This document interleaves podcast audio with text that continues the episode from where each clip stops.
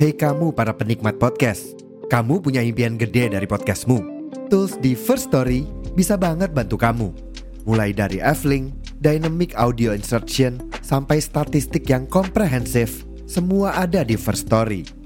Gak ketinggalan, kamu bisa monetisasi podcastmu lewat iklan dari First Story Ads yang bisa kasih kamu penghasilan dari setiap place podcastmu. Yuk gabung sekarang dengan klik di firststory.me. Sekali lagi, di firststory.me. Mari kita bawa mimpi podcastingmu menjadi kenyataan.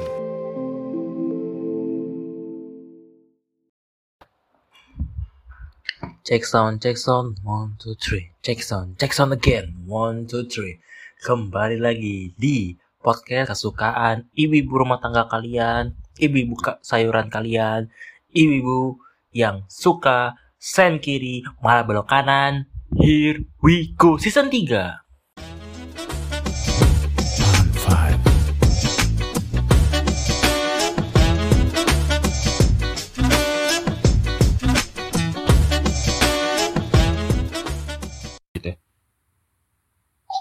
Oke, gimana kabar kalian semua? Semoga baik-baik aja. Yang lagi menikmati hidup, dinikmatin aja. Yang lagi menikmati fase kebosanan terhadap hidup, jalanin aja lah. Yang eh di sekarang kan eh, gue record itu berarti di eh, puasa ke 16 ya seingat gue gitu.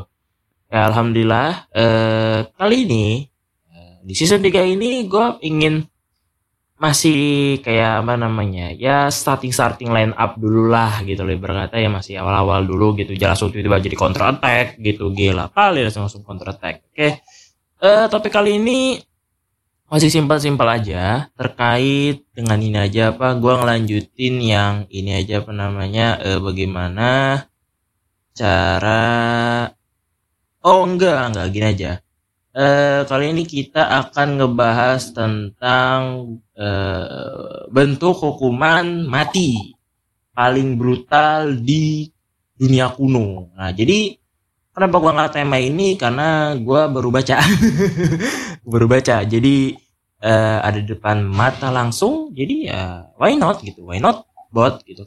Kenapa tidak gitu ya kan? Jadi ya langsung saja. Jadi begini. Eh, kematian kuno itu kita tahu bersama bahwa pa- pada eh, era dari enggak sebenarnya bukan dari era, era Renaissance sih jatuhnya sebelum era, re- re- apa pada saat zaman kegelapan bahkan sebelum sebelumnya bahkan dari zaman eh, apa namanya mungkin dari bersamaan dengan zaman Nabi ya mungkin banyak eh, suku-suku yang ada di dunia sana yang memiliki hukuman yang agak sedikit eh, brutal ya. Jadi eh, banyak caranya gitu. Tapi ujung-ujungnya ya pastinya pastinya adalah untuk membuat si pelaku itu eh, apa namanya eh, jerah gitu.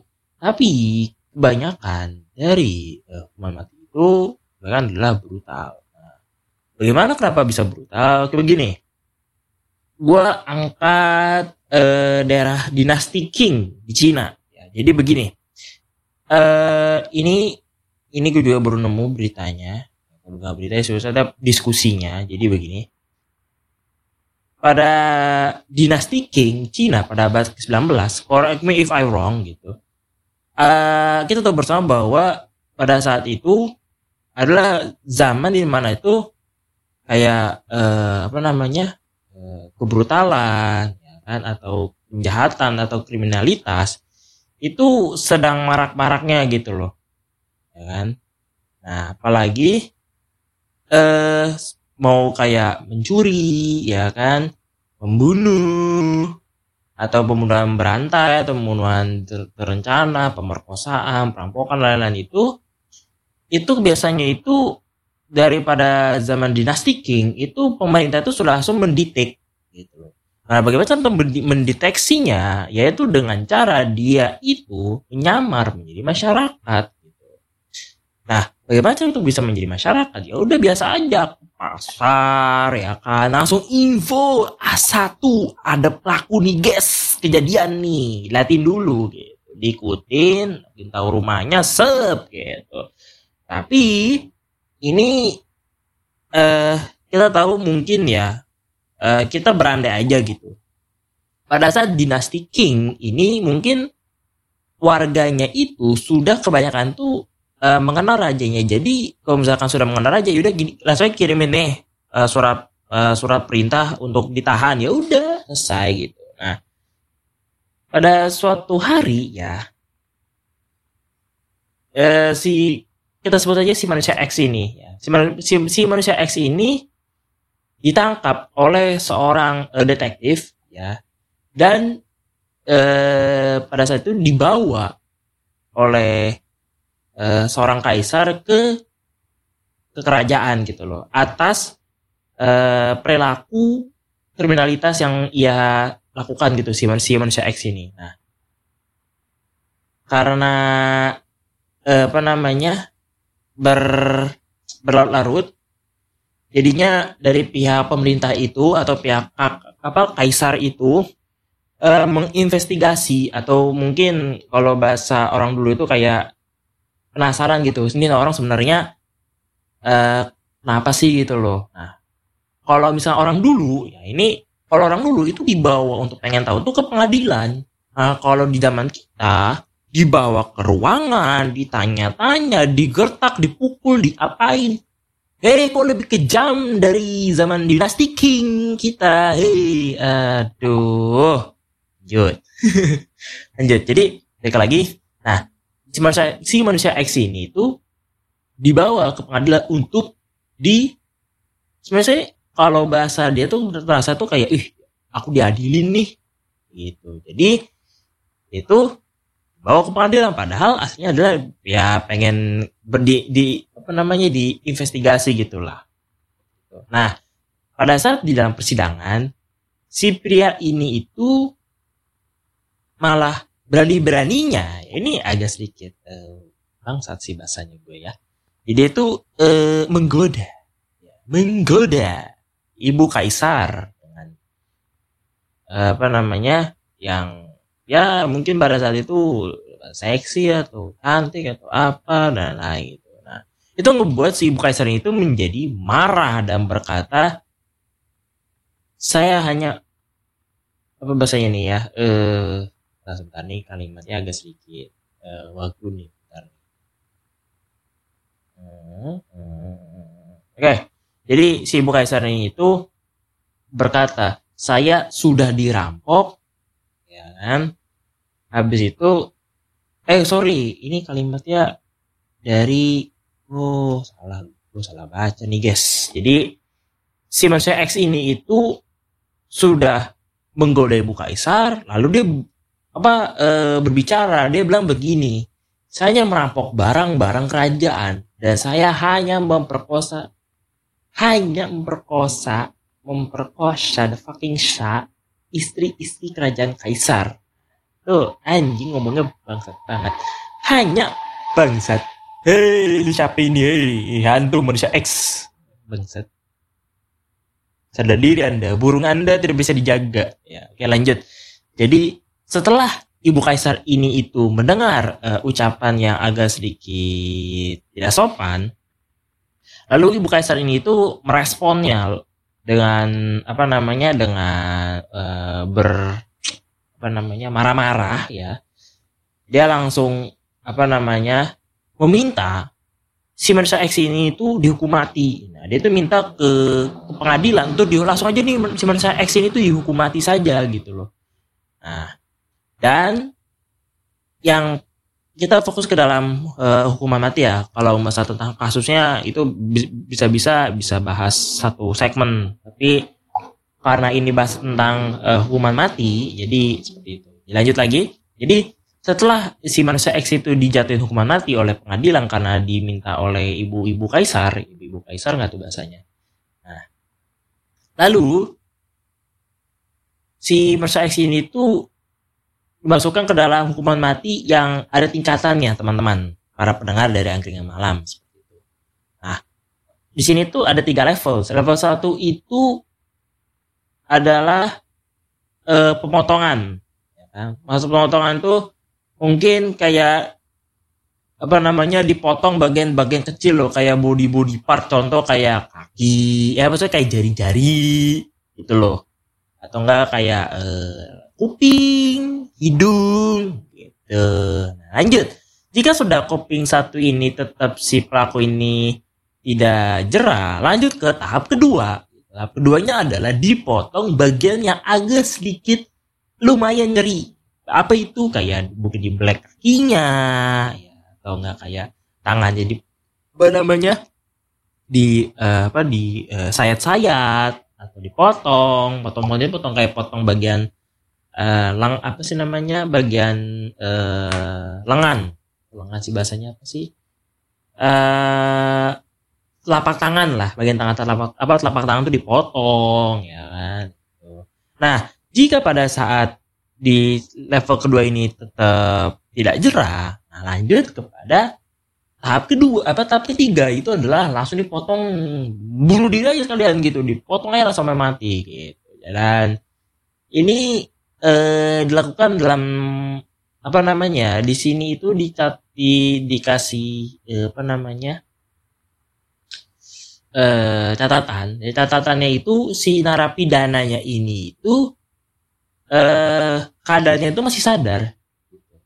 100% masih sadar. Jadi dia tuh merasa kayak jarinya hilang tangannya hilang telapak tangannya hilang apa pun hilang di di badannya. Jadi ya udah dia tuh keadaannya nyeri nyeri nah tuh di sini catatannya juga mengatakan bahwa itu sampai darahnya itu habis. Ya seperti itu. Dan itu ngebuat kayak holy fuck lah gitu. Jadi ini sangat jam menurut gue sih. Nah itu.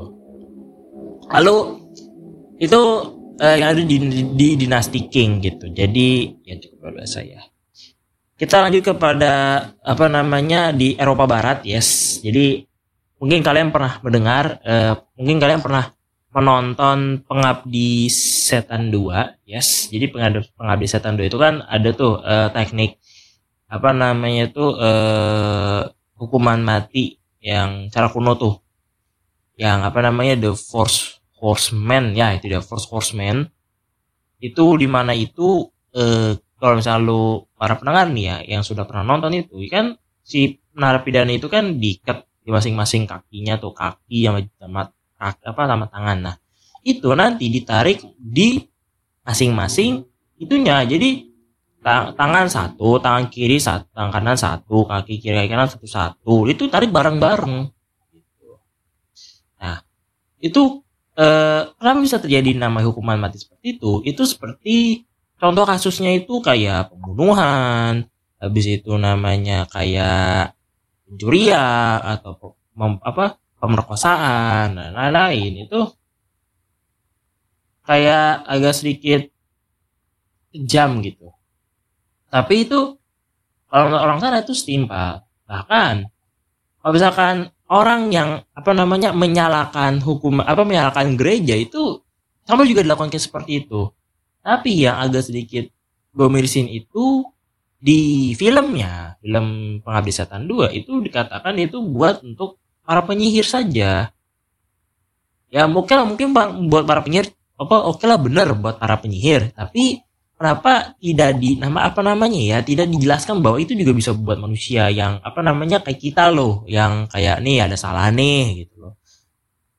Jadi ya cukup mengerikan gitu itu satu. Yang kedua itu adalah kalau di Mesir itu uh, pengambilan organ-organ. Jadi uh, ada uh, masyarakat di uh, dulu namanya Giza Mesir bahasa kita sekarang Mesir itu kalau misalkan narapidananya itu melakukan tindakan yang agak uh, mengganggu sebenarnya bukan mengganggu sih kayak agak sedikit uh, berbahaya dan lain-lain dan lain-lain itu itu bisa uh, lo tahu kan kayak nih kalau misalnya lo nonton The Mummy ya kan itu kan dijelaskan tuh kayak nih manusia nih ditarik pakai alat gitu semua organ ditarik satu keluar semua kan bahkan lidah usus paru-paru diambil semua.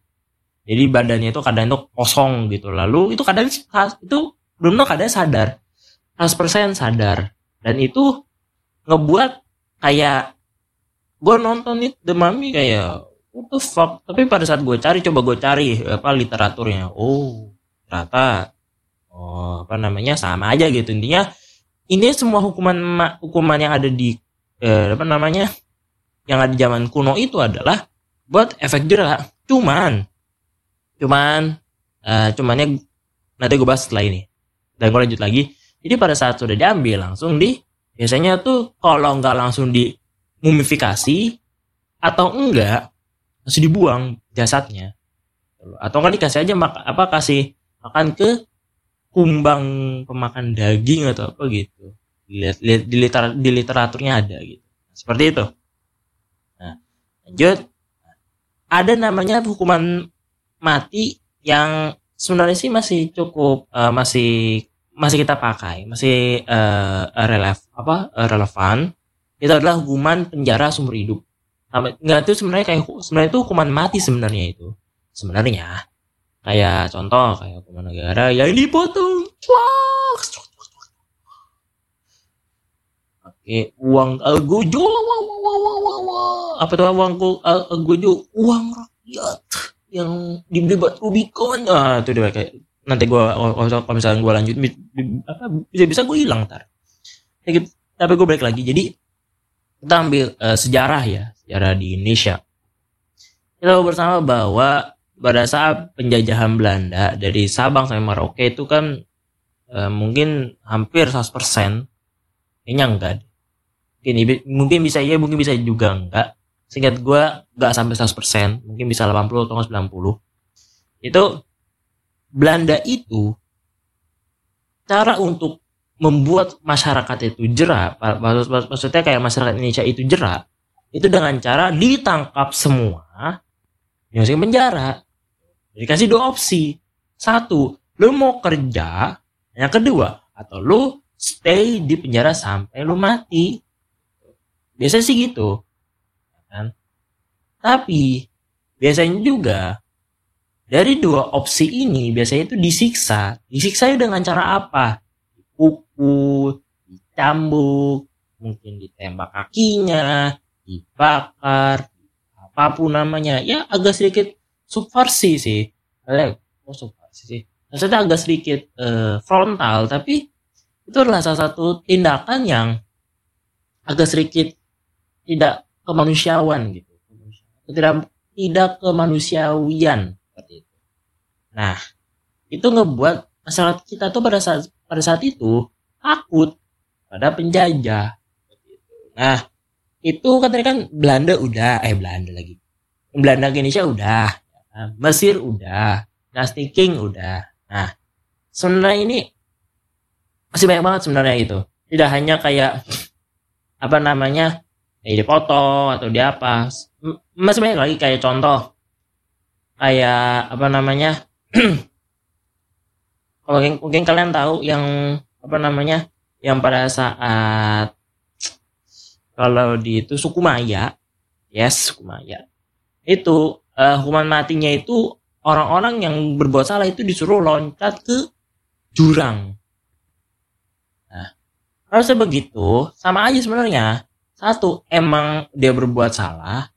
Yang kedua memang apa namanya itu kayak ya udahlah karena gua pengen apa namanya sudah, berbuat salah mending gue mengabdi kepada Tuhan. Gitu dengan cara ya gue mengorbankan diri seperti itu. Di suku Maya correct me, correct me if I wrong kalau salah salah ya. Lanjut. Nah lanjut ya. Dari Itali. Yes kita mengenal namanya The Brazen Bull yes Brazen Bull merupakan satu uh, apa namanya hukuman mati yang di mana itu manusianya itu dimasukin ke dalam sebuah patung uh, patung sapi atau patung banteng. Nah, nanti patung banteng bantengnya itu dibakar di tungku api yang menyala-nyala. Nah, biasanya itu eh, pada saat itu pem, ahli pematungnya itu bernama itu Pereleus. Sorry, bukan Itali, Yunani. Sorry, dari Yunani.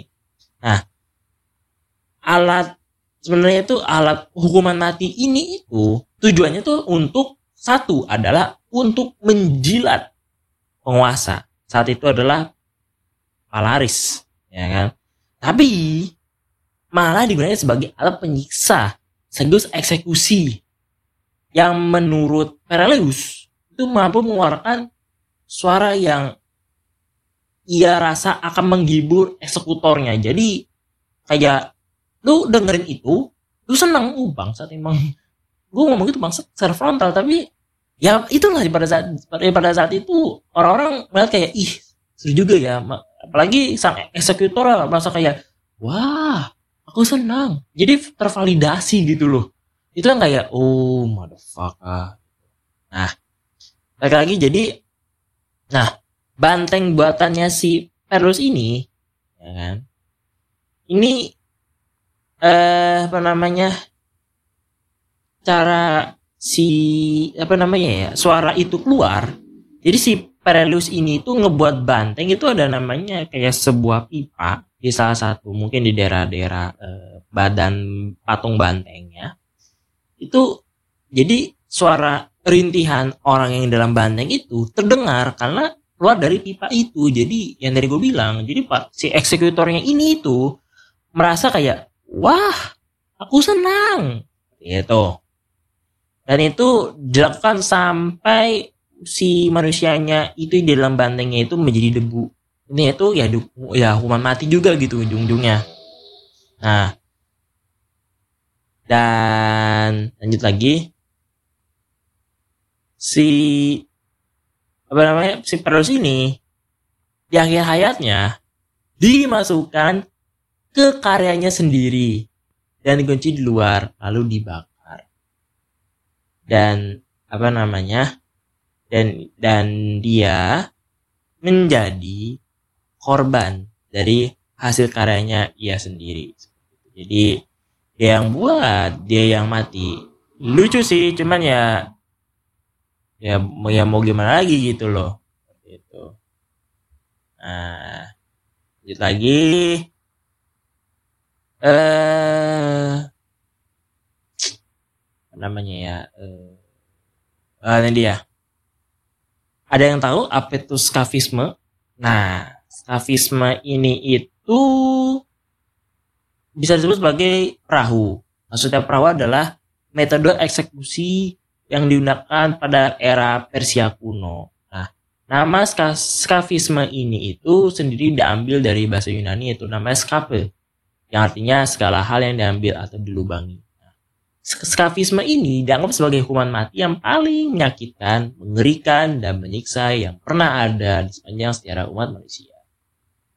Namun, dasarkan uh, yang ditulis oleh Plutarch para pendakwa atau penarapidana yang menerima hukuman skafisme ini mereka mereka akan dimasukkan ke dalam uh, dan dia, dia, dia itu dimasukkan ke dalam perahu lalu disegel. Lalu dia itu ditumpuk menjadi satu. Maksudnya itu mungkin kayak apa namanya ya bahasa mungkin ya gue kasih analoginya itu perahu isi perahu. Jadi di kayak oreo gitu loh nah lu ngerti kan oreo atau bahasa kasarnya itu uh, atau kacang. Nah kayak gitu kacang kayak gitu modelnya. Lanjut. Jadi uh, si skafisme ini itu bahan dasar itu ya dari batang pohon yang berongga. Jadi dibuatnya supaya lebih efisien dan apa namanya itu lebih nyaman gitu. Nah, lanjut lagi. Jadi sebelum dimasukkan, dimasukkan sekaligus disegel ke dalam perahu, maksudnya dua perahu ini, terdakwa akan ditelanjangin dulu, lalu dimasukkan ke dalam e, perahu tersebut. Nah, setelah masuk, mereka akan diberi makan dengan susu dan madu dengan jumlah yang sangat banyak hingga mereka diare parah.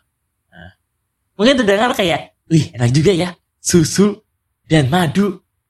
Enak loh. Tapi pada saat lu baca lagi lagi tiba-tiba hingga mereka mengalami diare parah yang memenuhi perahu atau batang pohon tersebut dengan kotoran mereka sendiri. Jadi bisa dikatakan bahwa eh, apa namanya dia itu eh, tersiksa oleh tainya sendiri. Nah, tapi mungkin kalian ya para pendengar dari angkringan malam itu bingung, oh, kok dari semua sekian yang gue omongin, kenapa apa menurut lo ya bang ya, kok ada satu hukuman, hukuman kok pada kasih makan gitu. Nah, ini ada catatannya gitu teman-teman. Nah, catatan di catatan ini dikatakan bahwa alasan terdakwa skafisme itu diberi makan madu dan susu adalah supaya serangga-serangga pemakan daging, belatung, dan cacing-cacing parasit dapat menggerogoti tubuh terdakwa dengan mudah.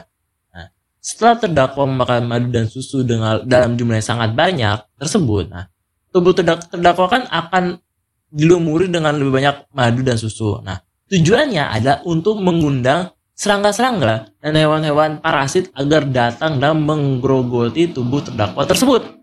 Nah, setelah dilumuri dengan madu dan, susu, dan susu, terdakwa akan dihanyutkan ke tengah danau atau kolam.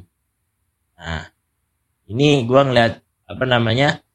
Gua ngeliat eh, apa sih namanya? Eh, fotonya aja gue aja udah merinding anjir sumpah merinding merinding parah nah, lanjut lagi nah setelah dihanyutkan ke danau dalam waktu dalam waktu mungkin agak kasih kasih waktu kali ya ya, ya gue nggak tahu gitu karena di sini nggak ada catatannya gitu seberapa lamanya gitu nah setelah digrogoti oleh serangga cacing dan parasit dan lain itu. Nah sebagai nanti pada saat itu uh, si si badan narapidana yang sudah sudah menjadi uh, bangkai atau mayit itu nanti apa namanya ini apa namanya sudah sudah keadaannya sudah hancur dan itu apa namanya agak sedikit kalau lu sekali lagi lihat tuh ya oh bener fucking fuck seperti itu. Lanjut ya. Nah selain ya ini kita bahas fungsi yang lain ya dari fungsi madu dan susu si terdakwa ini. Ini sebagai uh, penarik serangga.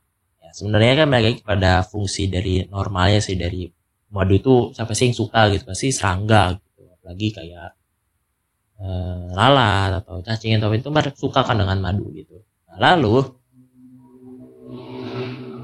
uh, sebenarnya itu apakah kayak si serangga ini datang habis itu di growing enggak. Jadi ada step by stepnya gitu. Nah step by stepnya itu dengan cara nah serangga ini sebetulnya hinggap. Lalu bertelur di dalam tubuh terdakwa. Sehingga jika telur tersebut menetas maka larva serangga tersebut itu akan memakan dan menggerogoti tubuh terdakwa hidup-hidup. Jadi, jadi, jadi, itu kadang itu sadar.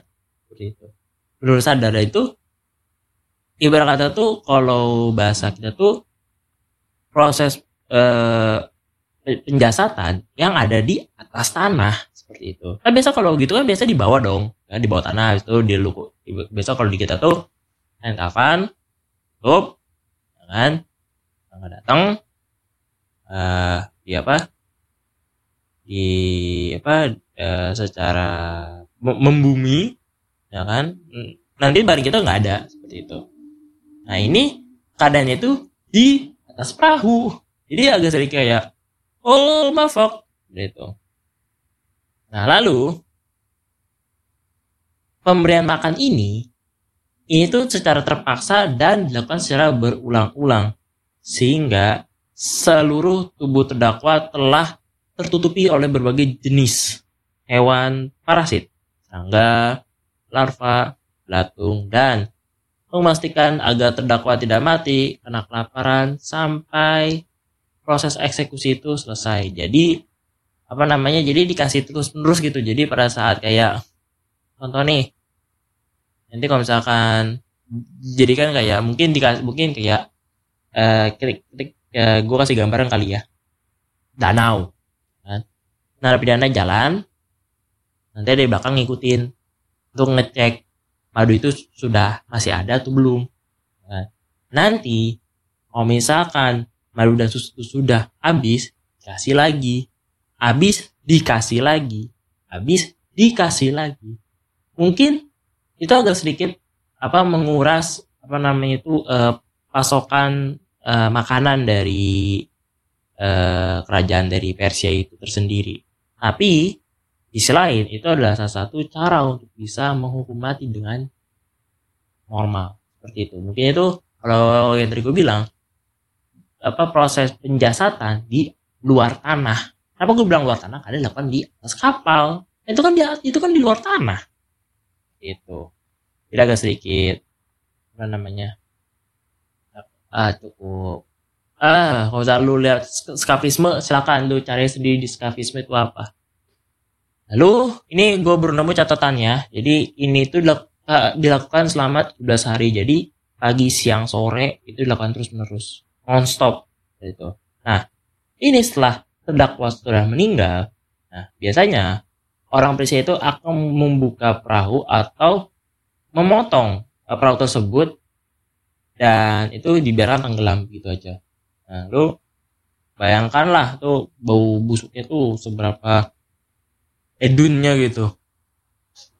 Gua aja sampai ludah anjir saking enaknya ya shit lah. Nah lalu hukuman mati yang paling masih ekstrim itu adalah uh, hukuman flying. Oh flying lagi. Flying. Nah hukuman flying itu merupakan hukuman yang menguliti manusia hidup-hidup nah sebenarnya itu metode yang uh, bukan hanya untuk mati sih, namun juga sebagai tujuan lain, itu menghilangkan jati diri seorang. Yaitu dengan cara, ya sebenarnya ini kan munculnya itu pada saat maraknya kepercayaan yang agak sedikit kayak tahayul yang sedang terjadi di Eropa pada saat uh, abad pertengahan. Namun dibuat hukuman mati jenis ini malah eh, dipercaya bahwa ini hukuman yang agak sedikit apa namanya agak sedikit non humanis gitu. Tapi selain orang sana itu yang flying itu hukuman mati buat narapidana yang melakukan apa kriminalitas tapi orang-orang dulu kan percaya bahwa ada namanya vampir kan, atau manusia serigala. Nah jadi orang-orang yang tercap menjadi manusia serigala atau vampir itu biasanya itu langsung ditangkap lalu dikulitin hidup-hidup seperti itu.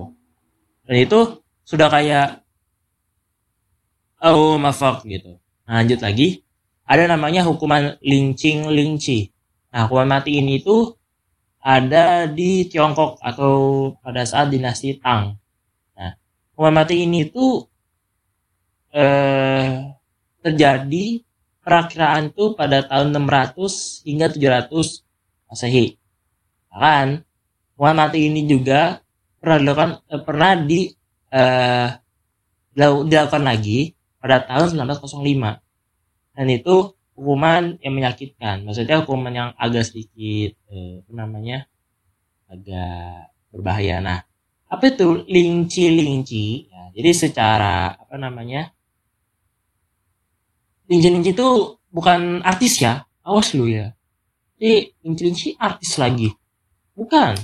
Linci-linci itu hukuman. Jadi linci-linci itu yang tadi gue bilang gitu. Apa namanya?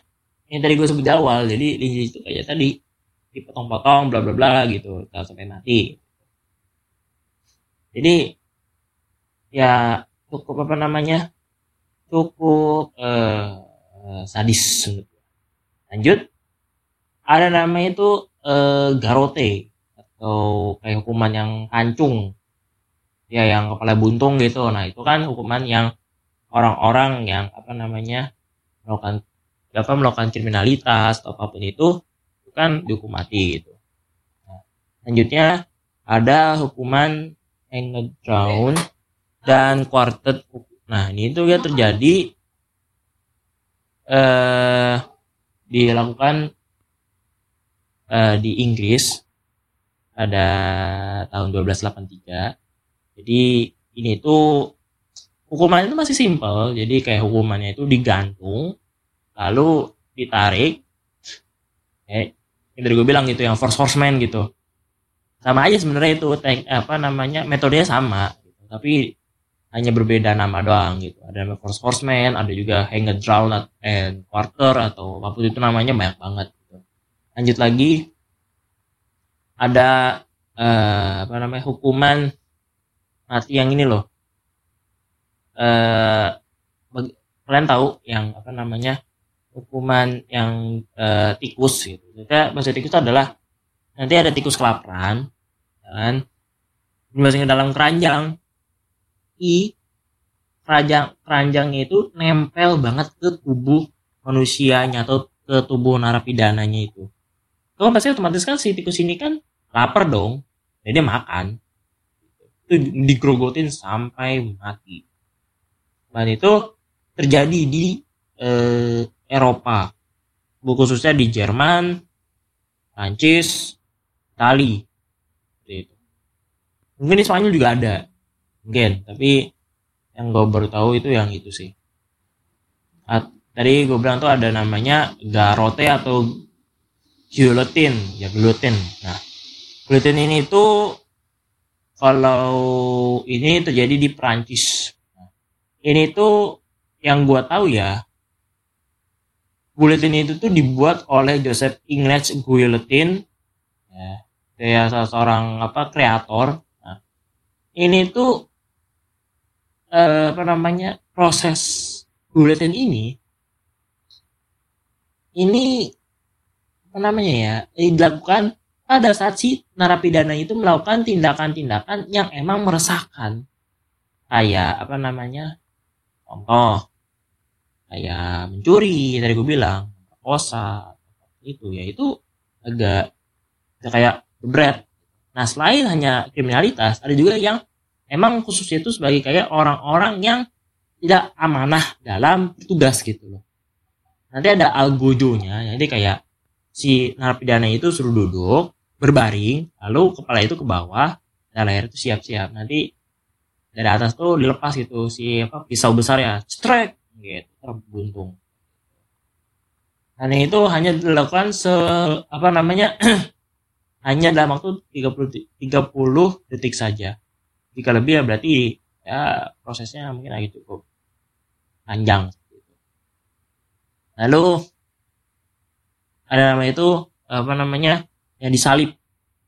Ya itu kalau di agama Kristen itu Yesus itu kan disalib. Ini gue ini gue bukan ngatain teman itu tuh satu uh, sebenarnya itu adalah tindakan uh, uh, tindakan hukuman mati sebenarnya. Cuman orang-orang Kristen itu menganggap bahwa itu adalah satu pengorbanan gitu. Padahal ya itu hukuman mati bang gitu loh.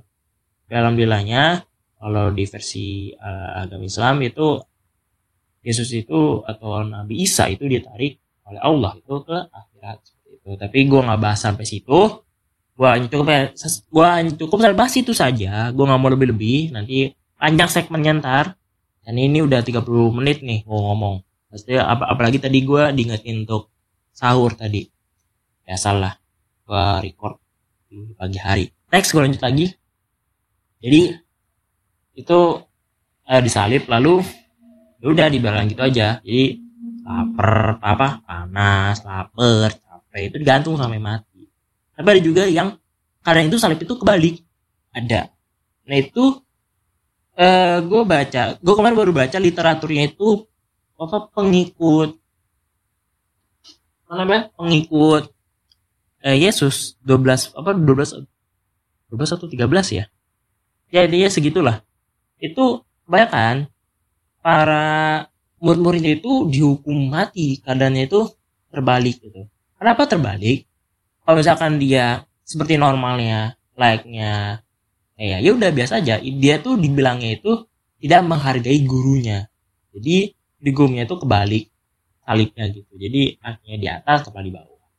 Itu agak sedikit. Karena menyiksa juga sih. Nah eh lanjut lagi yang ini apa? Yang dibakar hidup-hidup. Itu juga sama itu adalah hukuman kuno. Itu itu pada di suku Inka ya suku, Inka tuh delapan gitu juga. Lain dilempar ke jurang Madi bakar hidup-hidup. Dan sebenarnya dan sebenarnya sih ya masih banyak lagi gitu loh kalau ngebahas tentang namanya hukuman mati gitu. Yang kuno ya pada saat era era era zaman dulu gitu cukup banyak dan bahkan gue aja nggak mampu untuk ngejelasin satu persatu gitu karena saking banyaknya saking apa namanya eh banyak jenisnya banyak kata-kata baru dan lain gitu nah oke okay. mungkin apa namanya segitu aja untuk pembahasan kali ini. Jika ada salah-salah kata, mohon dimaafkan. Sekian dan sampai jumpa di episode-episode angkringan malam berikutnya di angkringan malam season 3. Ka hum. Hum hum hum hum.